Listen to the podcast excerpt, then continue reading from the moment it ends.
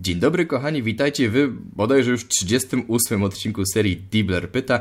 Dzisiejszy odcinek to jest odcinek z podznaku zajebistych nazw, ponieważ e, mój, mój, dzisiejszy gość pracuje w studiu, które nazywa się Eremite Games, ja po prostu uwielbiam tę nazwę, Eremite Games. E, pełni rolę producenta przy grze pod tytułem Against the Storm, kolejna super nazwa, a na dodatek sam jeszcze ma super imię.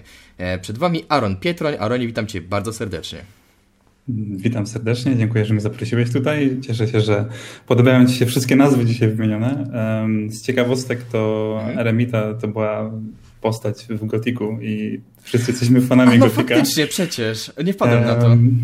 Ich nazwa nie do końca wzięła się stąd, ale ładnie się połączyła z naszą dziecięcą, że tak powiem, pasją do gier. A tu powiem Ci, że jest mi wstyd, bo jestem wielkim fanem Gotika, a nie skojarzyłem tego akurat. E, ja sam tego nie skojarzyłem w pierwszym momencie, kiedy zakładaliśmy studio, więc e, myślę, że to nie jest oczywista, oczywista nazwa, ale, ale fajnie, że ma takie drugie dno, które wszystkim pasuje w studio, więc szczególnie mi też jestem wielkim fanem Gotika. Jasne, rozumiem. To słuchaj, tak to u mnie zwykle bywa, wlecimy od samego początku. E, przez kilka lat pracowałeś w QA, najpierw w Piccadilly, tak. Piccadilla, jeśli dobrze pamiętam, a potem w Techlandzie i chciałem Cię spytać, dlaczego akurat ta dziedzina i w ogóle dlaczego game dev? E, dlaczego game dev to w sumie jest dosyć łatwa odpowiedź, no bo wydaje mi się, że bardzo wielu graczy i bardzo wiele osób, które w ogóle ma styczność z tym, z tym hobby, nazwijmy to, e, chciałaby kiedyś w tym pracować albo chciała mieć coś z tym wspólnego. Ze mną było tak samo, przed chwilą wspomnieliśmy o Gotiku, no to, to była jedna z pierwszych gier, które tak się na, naprawdę, w które się mocno wciągnąłem. Um, więc to jakby nie sądziłem nigdy, że to jest jakaś kariera, która jest w ogóle możliwa dla, dla mnie myślałem, że to jest bardziej takie enigmatyczne, dziwne zajęcie, którym zajmują się właściwie ludzie gdzieś tam daleko w Stanach, jacyś geniusze kreatywni, którzy Magicy. tworzą gry. Dokładnie. A potem się okazało, że e, dosyć szybko, że, że to, to jest jednak możliwe, a na całe szczęście nawet Wrocław jest takim miejscem, gdzie to się dosyć mocno e, dzieje, dużo jest tutaj studiów. No i moja przygoda zaczęła się od QA, dlatego że studiowałem psychologię, myślałem, że coś będę zrobił z tym w związku z tym, ale no po dwóch latach okazało się, że kliniczna, biznesowa psychologia to nie jest to, co ja bym chciał zrobić, ani jedno, ani drugie.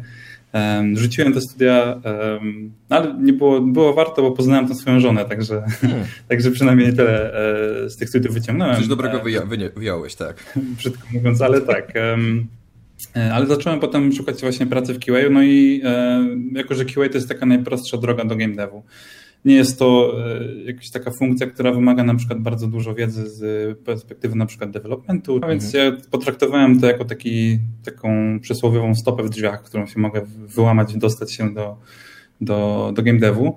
No i w tym czasie zacząłem też e, studia na innym kierunku, bo myślałem, że to mi się przyda jakoś w game devie spoiler, nie przydało się. Um, bo moja ambicja pierwotnie to była taka, żeby e, wcisnąć się trochę do game devu jako, jako QA, a później popracować w końcu może jako grafik 3D, bo to było moje marzenie. A w tę stronę bardziej. Mhm. Um, ale się okazało dosyć szybko, że, mm, że jednak mi to QA trochę leży e, i że też dosyć często gdzieś tam naturalnie mnie przesuwano albo sam się przesuwałem w takie role bardziej e, związane z zarządzaniem QA nawet momentami. No więc po Piccadilly później, po tych czterech ponad latach w Piccadilly trafiłem do Techlandu, gdzie zajmowałem się też QA już takim bardziej, to się bardzo hucznie nazywało e, analityk e, QA. To jest taka bardziej współpraca z zespołem deweloperskim bardzo zbliżona, ja to najbardziej w sumie lubiłem w mojej pracy wtedy. Mhm. Czyli to nie jest tester, który stricte dostaje grę do ręki i testuje sobie e, produkt już gotowy albo produkt jakoś tam w ciemno, i daje, daje znać o swoich wrażeniach, tylko to jest bardziej tester, który zajmuje się ścisłą współpracą z deweloperami i jakby testowaniem ich pracy na co dzień, analizowaniem ryzyk i tak dalej, więc to, to, to, było bardzo fajne. No a potem po Techlandzie, po QA nastąpiła przemiana i własne studio na szczęście. Znaczy na szczęście dla mnie, bo bardzo bym chciałem to zrobić w końcu. No właśnie, a skąd jakby decyzja, żeby założyć własne studio i no, porzucić ten QA, zająć się produkowaniem gier i faktycznie wyjść na swoje? W sumie troszeczkę już to, to, zajawiłem, bo ja bardzo chciałem być tym właśnie grafikiem początkowo i to było takie moje marzenie, ale jakoś tak się dziwnie składa w życiu, że nie dostajemy tego, czego chcemy najczęściej. E, a mnie naturalnie jakoś pociągnęło w stronę bardziej zarządczych e, ról. Jakoś nawet w zespołach, w których zajmowałem się QA-em, e, może, może nie w Techlandzie, ale na pewno w Piccadilly mieliśmy taki tryb pracy, gdzie Zespoły miały bardzo dużą dowolność, jeśli chodzi o, o swoje zarządzanie własną pracą. No i nie było jakby oficjalnie wyznaczonej osoby, która e, nie było jakby takiej z góry narzuconej osoby, która zajmowałaby się tym procesem. Okay. Więc w zespole naturalnie powstawały takie mikro, mikro role zarządcze od, od strony jakby samych, samych deweloperów w zespole, no i jedną z takich osób też byłem częściowo tam ja. E, już pod koniec mojej kariery, że tak powiem, w Picadilly. No i jakoś tak się z czasem okazuje, że okazało, że ta rola producencko-zarządcza mi się podobała. No i jako, że jesteśmy tutaj, założyliśmy w końcu studio własne, Element Games, którym, którym no brakowało producenta i oczywiście trafił na mnie, jestem osobą, której najbardziej to odpowiadało, która naj, najnaturalniej jakby w to wskoczyła. No a studio założyliśmy dlatego, że jakby zawsze chcieliśmy robić gry i tylko to właściwie, nigdy nie chcieliśmy jakoś pracować, albo przynajmniej po paru latach w game devie już uznaliśmy, wydaje mi się, że wszyscy, mhm. e, jest nas aktualnie piątka, e, jedna osoba dodatkowo, szósta jest e, jakby z zewnątrz, e, która tworzy dźwięki i muzykę do gry. no i jakby wszyscy uznaliśmy jednocześnie, że, że, troszeczkę nie chcemy pracować na czyjś rachunek, nie chcemy jakby robić gier dla kogoś i troszeczkę jakby być zależnym od tego, jak, jak wyglądają decyzje e, osób związane z takim właśnie tworzeniem gry no i sami stwierdziliśmy, że my to zrobimy po swojemu. Mhm. E, no i powstało właśnie studio Airmate Games. E, zaczęliśmy e, właśnie teraz Against the Storm. Dużo wcześniej, jeszcze zanim to wszystko się rozwinęło, tworzyliśmy po godzinach grę mobilną, co jest, co było dosyć, um, był odważnym eksperymentem, bym powiedział teraz wstępnie. Ale chcieliśmy jakby stworzyć, to był taki pierwszy projekt bardzo malutki, chcieliśmy stworzyć pierwszą naszą grę, to zaczęło się właściwie od Michała, naszego głównego programisty, który pracując jeszcze w Piccadilly szukał kogoś, kto mógłby pomóc mu z grafiką. Oczywiście no, niespełniony grafik, tester Aaron się odezwał i mówi e, super, e, chciałbym ci pomóc. E, potem z czasem jakby dołączył do nas Damian, nasz grafik 2D, 3D, który jeszcze bardziej wsparł tą graficzną stronę tej gry. Potem pojawił się również Łukasz i Mikołaj. Łukasz od strony marketingu przy tamtym projekcie i Mikołaj od strony dźwiękowej. No i rozwinęliśmy ten, e, tą, tą grę mobilną tak po godzinach, gdzieś tam po przyjacielsku, ale się szybko okazało, że gra mobilna premium, płatna, bez mikrotransakcji, bez jakiegoś wsparcia budżetowego, marketingowego, to nie jest dobry kierunek i to nie, nie, nie pomoże nikomu e, utrzymać firmy. Ale też wtedy jeszcze nie myśleliśmy do końca o firmie. I dopiero po tym projekcie jakby zaczęliśmy inny projekt pecetowy. E, wszyscy też troszeczkę się rozeszliśmy, też nie wszyscy uczestniczyli jakby w tym pierwotnym planie tego projektu, ale jakby z czasem, kiedy już ten projekt nabierał kształtów, to znowu się go odnaleźliśmy um, i zaczęliśmy pracować już na poważnie. Aha, czyli to wyglądało tak, że wy początkowo pracowaliście nad tą grą mobilną po godzinach po prostu, to się docieraliście, troszeczkę szukaliście takiego swojego flow pracy, a potem tak. pojawił się pomysł na Against the Storm i nad tą grą też przez jakiś czas pracowaliście po godzinach, czy już e, jak na tym tak, to już... To... To jeszcze, przepraszam, że ci przerwałem, ale tak, to po, to po godzinach e, się zaczęło mniej więcej. Mhm. E, znaczy mniej więcej. No, no, tak, zaczęło się po godzinach e, i to trwało prawie rok, e, gdzie godziliśmy jakby tą pracę naszą codzienną z tworzeniem tej gry. no, już traktowaliśmy to dużo poważniej, no bo przy robieniu mobilki to mieliśmy takie podejście, że no, popracujemy sobie przez weekend, coś sobie tam dopiszemy. Taki trochę game jam, który się ciągnie przez e, tam rok czy półtora nawet momentami. Ale to było fajne doświadczenie, bo się właśnie tak trochę, brzydko mówiąc, dotarliśmy mhm. przez, e, przez taką współpracę. E, każdy trochę znalazł swoje miejsce w zespole i też poznaliśmy się bliżej pod tym kątem, jakby jak się z kimś współpracuje. I wydaje mi się, że nawet taki nieudany projekt bardzo mocno jakby wpływa na jakość następnego projektu i tego, jak się w ogóle nad nim pracuje. Więc Aż, oczywiście, tego... że tak. Ja znam mnóstwo studiów, które miało takie nieudane projekty, które tak, nawet nazywali porażkami, ale to nie były porażki, bo oni w jakiś sposób właśnie znaleźli sobie jakiś sposób pracy, no to nauczyli się dużo na ten temat, no i potem tworzyli jakieś znacznie fajniejsze gry. A to wiesz co, to może jak zahaczyliśmy właśnie już o the Storm, to może opowiesz w ogóle widzom, co to jest za gra, o, o, o, o czym ona polega. Łukasz, żeby mnie teraz zastrzelił, bo powinienem od tego zacząć. E, tak. Od, od, tego, od tego tu jestem, żeby cię nakierować też. Bardzo dobrze. E, the Storm to jest um, city builder połączony z roguelite'em. I to brzmi dosyć e, jak mieszanie trochę w, um, oleju z wodą, ale to jest... Um, to jest gra, która ma w sobie jakby podstawowe jak mechaniki, podstawowe jakieś tam zachowania od graczy wyciągnięte, które są stricte city builderowe, czyli budowanie miasta, tworzenie jakichś łańcuchów produkcyjnych, zdobywanie surowców i przetwarzanie ich i tak dalej.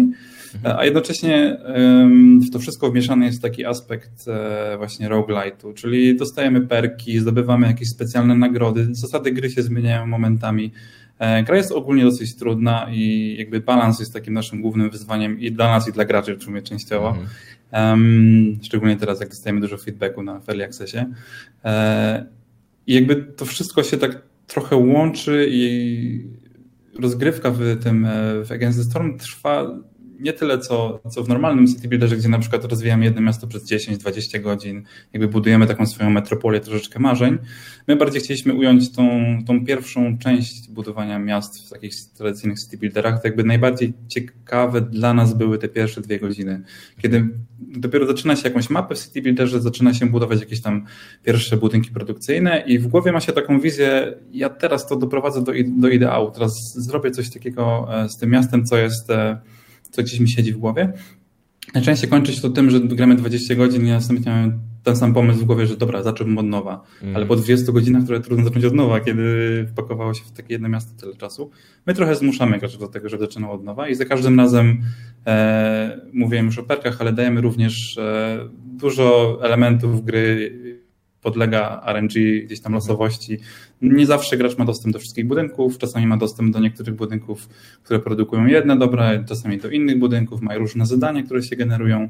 Też bardzo dużym aspektem gry jest odkrywanie mapy, tak jak trochę w Dungeon Keeperze, czyli mhm. przekopywanie się przez las, w naszym wypadku las, a nie lochy, przekopywanie się przez las do polanek, odkrywanie na nich. E, tak, to akurat e, nasz e, główny designer na to wpadł, Michał. Um, początkowo byliśmy bardzo sceptyczni do tego pomysłu, a potem się okazuje, że to jest strzał w dziesiątkę.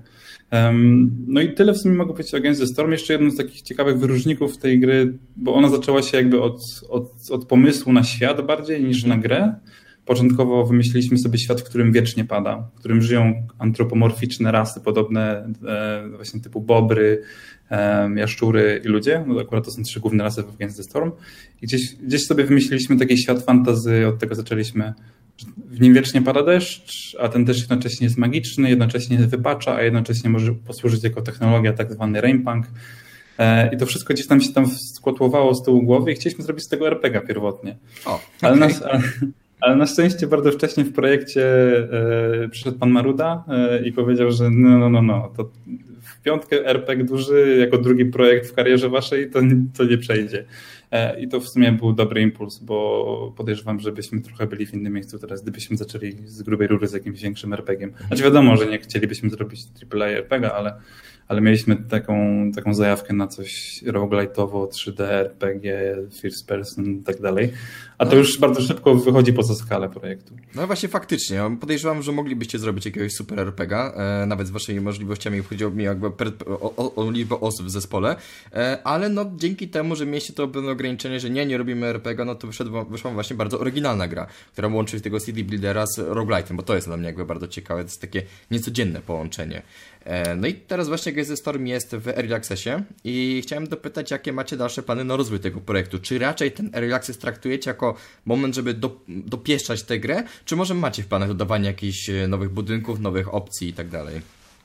To jest mieszanka obu tych rzeczy. Mm, ta gra została zaprojektowana właściwie do pierwszego, pierwszej linijki kodu po to, żeby żeby ją rozwijać w Early Accessie bardzo aktywnie i my też trochę szastamy takim terminem, który się nazywa development, e, czy community driven development, mm. bo bardzo chcielibyśmy, żeby to community uczestniczyło w tym i to się udaje teraz, bo, bo faktycznie dużo dostajemy feedbacku, pomysłów, ale jeszcze zanim e, przejdę do jakichś tam szczególnych planów, to to wspominałem o tym, że ona jest jakby zrobiona od podstaw do, pod Early Access. Jedną rzeczą, którą e, gry mobilne i nasza jakby przeszłość w grach mobilnych nas nauczyła, to to, że w tej dziedzinie akurat game devu bardzo mocno się oddziela jakby mechaniki i sam, samego klienta gry, nazwijmy to w ten sposób, mhm. od tej strony kontentowej, od tej strony, która jest tam w tle, która ma w sobie wszystkie opisy, jakieś tam poszczególne efekty, poszczególne budynki. I na przykład my zaprojektowaliśmy agencję sobą trochę z takim systemem w tle, czyli dodanie na przykład nowego budynku to jest tak naprawdę designer po prostu wchodzi do, do Unity, wpisuje parę rzeczy i budynek już powstał. Nie trzeba tam angażować na przykład całego zespołu e, na dwa tygodnie, żeby. No oczywiście trzeba graficznie stworzyć budynek i jak budynek ma być bardziej wyjątkowy, to musi też deweloper do tego dołączyć. ale na ogół kierowaliśmy się takimi, takimi mechanizmami, nazwijmy to, przez które bardzo łatwo byłoby dodawać nowe elementy. No i teraz właśnie w Early Accessie to się udaje. Co dwa tygodnie mamy update, tak na przemian raz duży, raz mniejszy. E, ostatnio dodaliśmy zupełnie nowy biom, czyli zupełnie nowy jakby rodzaj mapy z takim koralowym, pod, prawie że podwodnym, ale to nie jest pod wodą, e, lasem, który trochę pasuje do tego świata właśnie deszczowego. Teraz będziemy, właściwie już jutro, dodamy update, który będzie skupiony na eksploracji, na nowych obiektach, które można znaleźć na polankach i na trochę zmianie działania tego. I ten update przyszły na przykład łączy w sobie te elementy. Jednocześnie dodajemy nowe rzeczy, a jednocześnie jakby modyfikujemy to, co było wcześniej, tak, żeby to działało lepiej na podstawie feedbacku od graczy i tego, co nam przekazali. E, I plan jako taki jest kontynuowanie tego co najmniej przez rok. E, mamy jakąś tam szerszą wizję na to, co będzie w przyszłości. Jakieś tam kolejne rasy mają się pojawić. Ostatnio mieliśmy głosowanie i oprócz bobrów, jaszczurów, ludzi pojawi się jeszcze jedna rasa teraz e, w styczniu prawdopodobnie. A potem będziemy kontynuować jakby właśnie dodawanie budynków, raz szlifowanie tego gameplayu. Mamy też pomysły na nowe systemy. Za wiele nie mogę zdradzić, bo to też w dużej mierze zależy od tego, jak nam dalej pójdzie w Early Accessie, mhm. bo może się równie dobrze okazać, że za trzy tygodnie jakiś update tyle namiesza, że gracze przestaną jakby przestaną lubić tą grę i trzeba będzie naprawiać tak. Nie, nie wolno tak mówić. Zawsze tak wiesz, różnie, różnie bywa w, w game devie. Natomiast co najmniej przez tak aktualizować i chcielibyśmy jeszcze poszerzyć tą pulę raz na przykład o kolejną jedną, jedną albo dwie, tak żeby ich było na przykład sześć.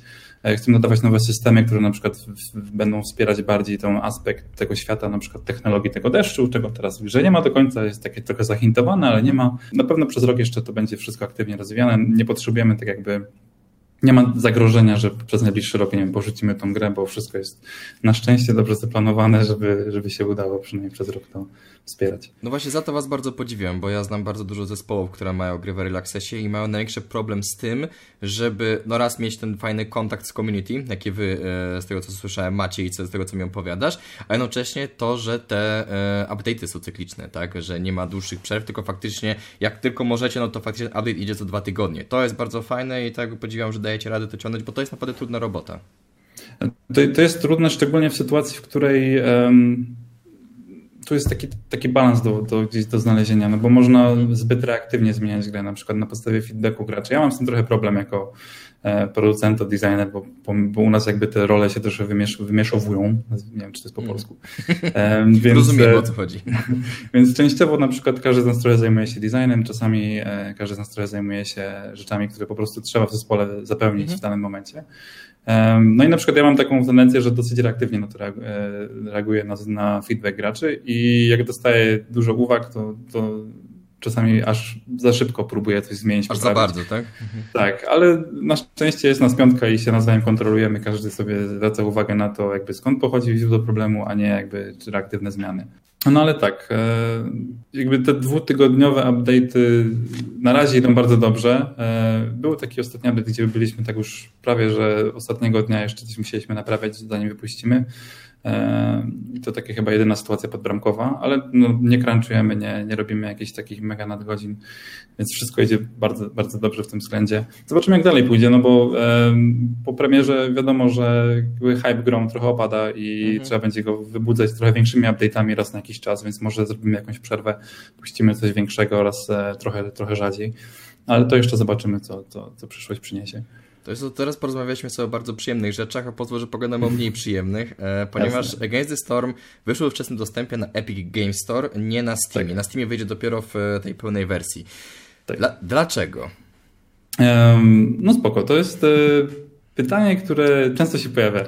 Um, ja mogę zacząć od takiej historyjki, jak lubię się rozgadywać. Proszę bardzo. Um, Pierwotnie szukaliśmy wydawcy, jeszcze w tym momencie takiego przejścia, gdzie rezygnowaliśmy już z naszej pracy jakby zawodowej i w game devie i szliśmy mhm. właśnie na własne.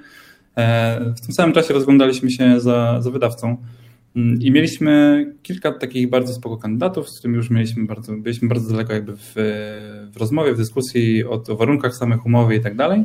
I gdyby sprawy potoczyły się tak, jak chcieliśmy, to bardzo możliwe, że mielibyśmy wydawcę, bylibyśmy na Steamie od w Early Accessie, wyszliśmy, wyszlibyśmy pewnie w innym terminie, ale byłoby to tak, e, tradycyjnie, jak to jest z reguły w Early Accessem i z indie grami na Steamie. Mhm. Pech chciał, że jeden z tych wydawców, ten, z którym mieliśmy już jakby prawie że podpisaną umowę. On właściwie tylko czekał na nas, aż my dopełnimy formalności po stronie jakby urzędowej, czyli zarejestrujemy spółkę, dostaniemy potwierdzenie z KRS-u, że jest ta spółka i tak dalej. Pech chciał, że przyczyn losowych ten wydawca nie mógł się na nim podpisać. Oni w ogóle chyba wtedy nie mogli się już z nikim podpisać przez pewien czas, e, bo przychodzili dosyć poważne zmiany. Okay. No i byliśmy w takiej kropce. Trochę, trochę jechaliśmy na oszczędnościach, e, już się pozwanialiśmy z pracy, więc trochę, trochę teraz głupio wrócić do swojego przełożonego i tak e, proszę mnie wrócić do pracy. Głupia um, sprawa. Pamiętacie, jak rzuciłem papierami? To teraz e, chętnie je pozbieram i wrócę do pracy. No i, i w tej sytuacji no, byliśmy przez parę miesięcy, szukaliśmy kolejnego wydawcy, robiliśmy na szybko nowy build pod wydawców, zaczęliśmy się rozglądać trochę już tak obniżyliśmy lekko poprzeczkę nawet, ale okazuje się, że z tego, od tego wydawcy, z którym rozmawialiśmy dużo wcześniej, e, Wrócił do nas jeden człowiek, e, złoty człowiek, uwielbiam go, e, z propozycją i z kontaktem właśnie do Epika. Długo o tym rozmawialiśmy, bo wiemy, jakie są nastroje, nastawienia co do Epika wśród graczy, szczególnie pecetowych, znaczy no, to głównie ich dotyczy. Ale z końcu zgodziliśmy się, no bo to było po prostu super oferta i jak dla mnie przede wszystkim najważniejsze w niej było to, że e, mieliśmy zapewniony, zapewniony jakby budżet developer, developmentowy, nie musieliśmy się przed nikim spowiadać, co robimy aktualnie z grą, nie musieliśmy czekać na żadne aprowale, potwierdzenia wydawców, e, IP pozostało po naszej stronie, właściwie pełna kontrola jest po naszej stronie. No i ekskluzywność była roczna, a nie taka na wyłączność na cały czas. Więc uznaliśmy, że to będzie najlepszy, najlepszy wybór w tym momencie.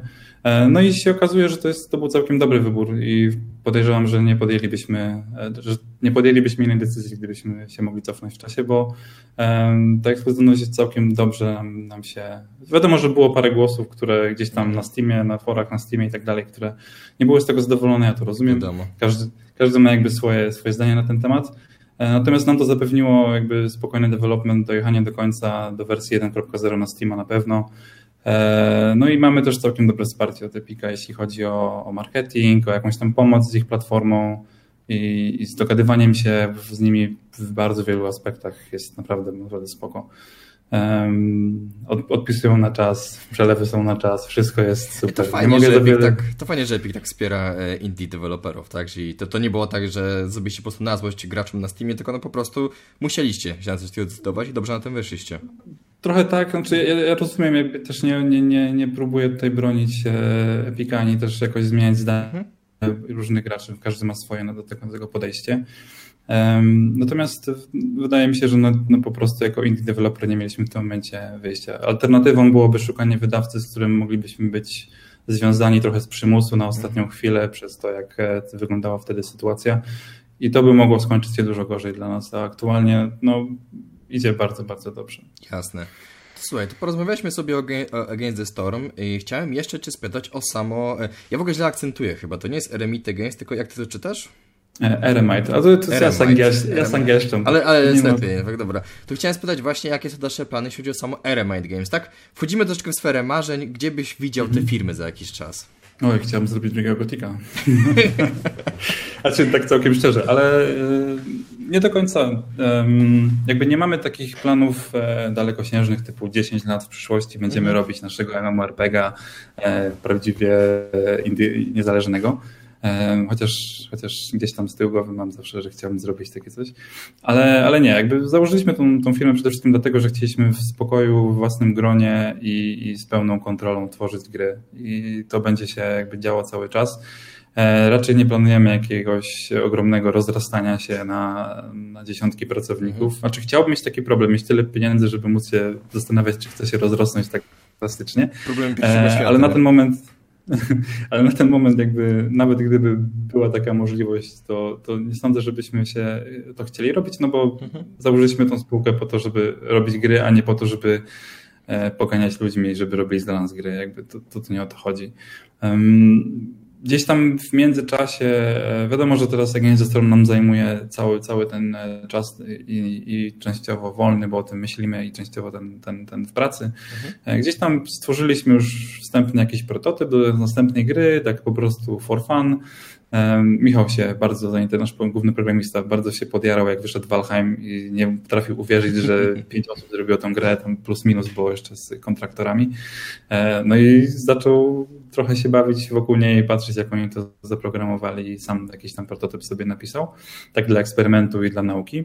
Mhm. Więc bardzo możliwe, że po Against the Storm, mm, jeśli wszystko będzie świetnie szło, e, to pojawi się właśnie jakiś tam może RPG, może jakiś sandbox, może coś tam craftingowo-survivalowe, bo to wszystkich nas oczywiście jara, a od city builderów strony survival, sandboxów, craftingów nie jest, nie ma wcale tak daleko, e, pod względem chyba podobnych emocji, co do, co, które gracze przeżywają i jakby my tak samo się tym jaramy. A co przyniesie przyszłość, to zobaczymy. No, na pewno Agent Storm jeszcze będzie wspierany. Na pewno jeszcze zastanawiamy się nad właśnie wypuszczeniem na konsolę Agent Storm, jak, jak, jak będzie bardzo, bardzo fajnie szło w przyszłym roku. Um, może jakieś DLC gdzieś się jeszcze po drodze pojawią, e, ale gdzieś tam z tyłu głowy zawsze mamy ten pomysł na RPG cały czas. E, jakby ten pomysł zrodził się z RPGa, który został jakby skancelowany na, na szczęście zawczasu, zanim sfailował, e, no to, to teraz e, może do tego wrócimy, jak, jak się wszystko dobrze potoczy. A to też jest bardzo fajne, że jesteście ambitni oczywiście, ale nie jesteście nadambitni, chcecie po prostu robić fajne gry, jesteście sfokusowani na tym, co robicie w tym momencie i to mi się jakby bardzo Was podoba. A na koniec mam do Ciebie ostatnie pytanie, które dostaje zawsze każdy gość, Wyobraź sobie, że zamykają cię na rok w izolatce, ale możesz wziąć ze sobą trzy gry. Jakie byłyby to gry? Hmm. um, tak, to, to pytanie mi zajęło ostatnie dwa dni, bo znam, znam twój kanał i, i, też słuchałem parę, parę wywiadów i, i zainteresowały mnie niektóre odpowiedzi i sam nie, nie wiem do końca, co bym odpowiedział. Mhm. Ale wydaje mi się, że tak Wziąłbym na pewno ze sobą Valoranta. W końcu chciałbym się nauczyć w to grać dobrze.